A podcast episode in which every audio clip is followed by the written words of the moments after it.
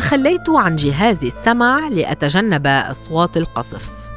ذوو الإعاقة في غزة ليسوا بخير.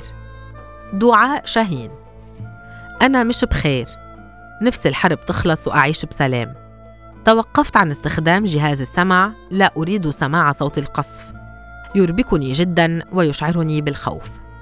هكذا تصف أفنان الدحدوح عشرين عاما والمصابة بإعاقة سمعية حالتها خلال أيام الحرب في قطاع غزة وهي تحاول الهروب من ضجيج الصواريخ والقذائف التي لم تنقطع عن مدينتها لتجد مساحة آمنة وصامتة لها مع نفسها.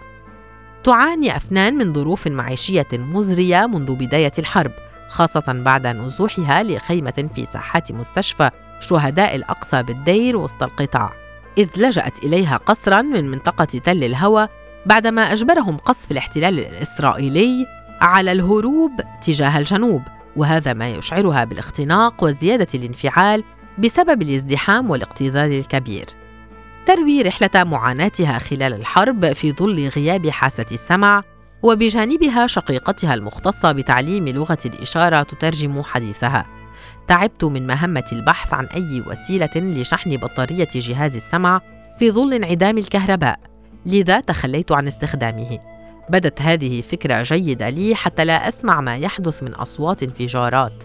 لكني أعرف بوجود قصف يقترب دون أن يخبرني أحد. عندما أشعر بارتجاج الأرض تحتي وأشاهد نيران وحمم الصواريخ من النافذة أمامي. وعلى الرغم من عدم سماع أفنان ما يدور حولها فإن الرعب يتسرب باستمرار لقلبها عند مشاهدتها للناس وجيرانهم يرقدون وترى في عيونهم الفزع من الموت. وتسأل عائلتها عما إذا كان القصف قريبا من منزلهم أو بعيدا. واحيانا تتابع بعض الصفحات الإخبارية التي تترجم الأخبار عبر لغة الإشارة بواسطة هاتفها النقال. الكثير من التساؤلات تدور في خاطر أفنان حول سيناريوهات ما قد يحدث لها في الحرب كونها فاقدة لحاسة السمع. وتتابع أكثر ما يرعبني أن ينهار المنزل على رؤوسنا دون أن أسمع فأجد نفسي تحت الركام. لا يعرف أحد عني شيئا واحيانا أفكر ماذا لو لم أمت تحت الركام وبقيت حيا؟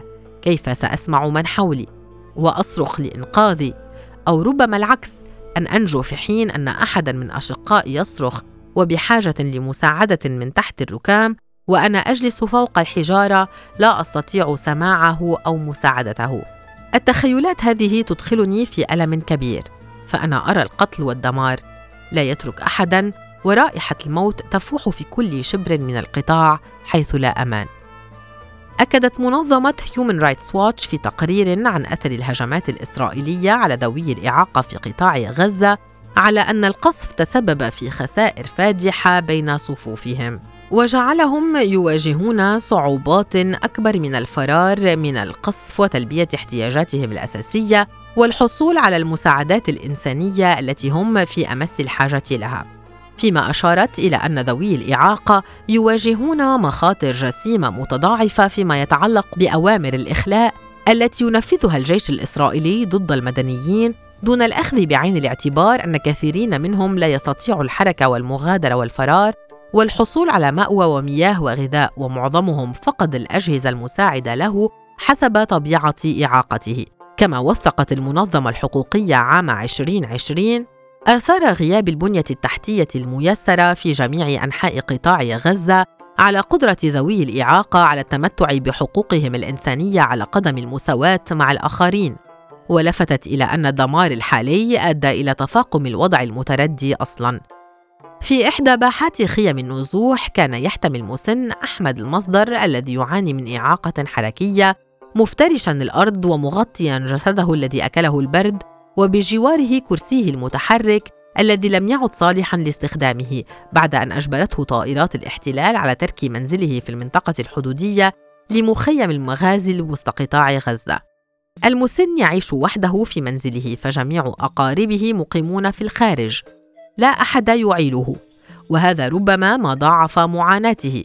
يحكي لرصيف 22 تفاصيل ما حدث معه لحظة هروبه.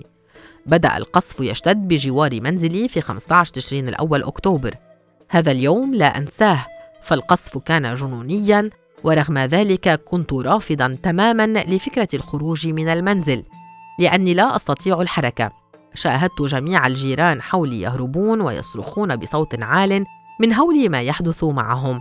منهم من ترك عائلته تحت الركام إذ قصف المنزل على أصحابه ومنهم من نجا بعائلته. يكمل. صرت أبكي وأصرخ من نافذة منزلي على الجيران والناس في الشارع.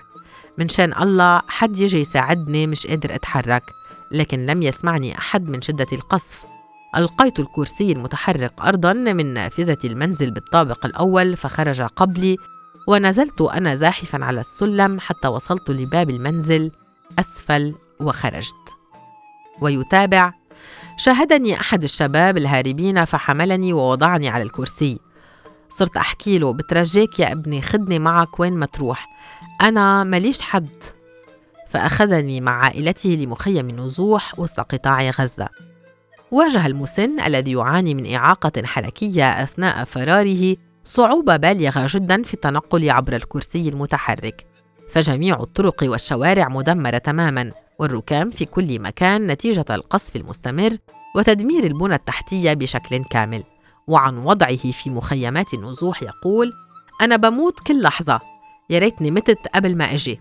فالمسن لا يقدر على الحركة حتى عبر استخدام كرسيه مما لا يسعفه على الأقل للذهاب إلى الحمام لقضاء حاجته. فلجأ لاستخدام حفاضات يساعده على تغييرها ابن شقيقه أو جيرانه في النزوح. لا تفرق طائرات الاحتلال بين أحد وآخر في قطاع غزة فهي تأكل الأخضر واليابس والجميع مستهدفون دون استثناء. على غرار الحرب العسكرية تعيش الفتاة ريم جمعة التي تعاني من إعاقة بصرية حربا نفسية أخرى فهي في حالة قلق وتوتر طيلة الوقت. لا تزال ريم بمنزلها في مدينة خان يونس جنوب القطاع لكنها لا تذوق طعم النوم ولا تستطيع القيام بأي أنشطة داخل منزلها.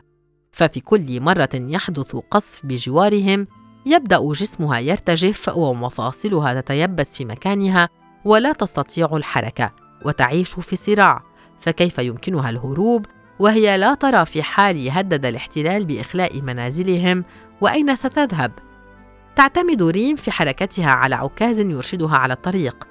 إذ تحفظ أجزاء منزلها وشوارع حارتها ويساعدها على التنقل داخل منزلها لكن ما تحمل همه هو كيف ستستمر في حياتها لو انتقلت لمنطقة أخرى لا يسهل عليها التحرك فيها لا سيما مدارس النزوح أو المشافي أو منازل الأقارب وجميعها تفتقد تجهيزات المواءمة لذوي الإعاقة. تحكي لرصيف 22 الحرب قاسية جدا على الفئات من ذوي الإعاقة لا سيما العجزة فالطرق والأماكن العامة والخاصة غير ملائمة للتحرك في أيام السلم. فكيف في أيام الحرب؟ القصف لم يترك شيئا إلا ودمره وبالتالي فكرة خروجي من المنزل صعبة للغاية. لذا أتمنى أن تنتهي الحرب تماما ونعود لحياتنا الطبيعية والهادئة كما كنت قبل. تقول آمنة كامل وهي أخصائية تأهيل ذوي الإعاقة في هذا السياق تعيش هذه الفئة في غزة بظروف معقدة للغاية. منهم من نزح إلى المستشفيات ومدارس النزوح والمخيمات التي تعاني من اكتظاظ كبير. ويواجهون صعوبة كبيرة في التنقل والحركة. واحيانا قد يتعرضون أو يساء فهمهم إذا قابلوا بعض المواقف المحرجة دون دراية منهم. كالوقوف في طابور الذهاب للحمامات أو الحصول على الطعام أو التنقل على السلالم لا سيما في المدارس. وتشير في حديثها لرصيف 22 إلى أن العديد من ذوي الإعاقة فقدوا أهلهم وأصبحوا بدون معيل ومنهم من فقد علاجه وآخرون فقدوا أدواتهم التي تساعدهم على التنقل أو السمع. وتلفت إلى أن هناك تزايدا في أعداد ذوي الإعاقة بسبب تكرار الحروب وتدعو إلى ضرورة توفير وسائل حماية ومواءمه لهم حتى لا يشعروا بالتمييز عن دونهم. وتنبه إلى أن ذوي الإعاقة بحاجة لتأهيل فوري فهم يعانون من تداعيات خطيرة جدا على صحتهم النفسية والجسدية.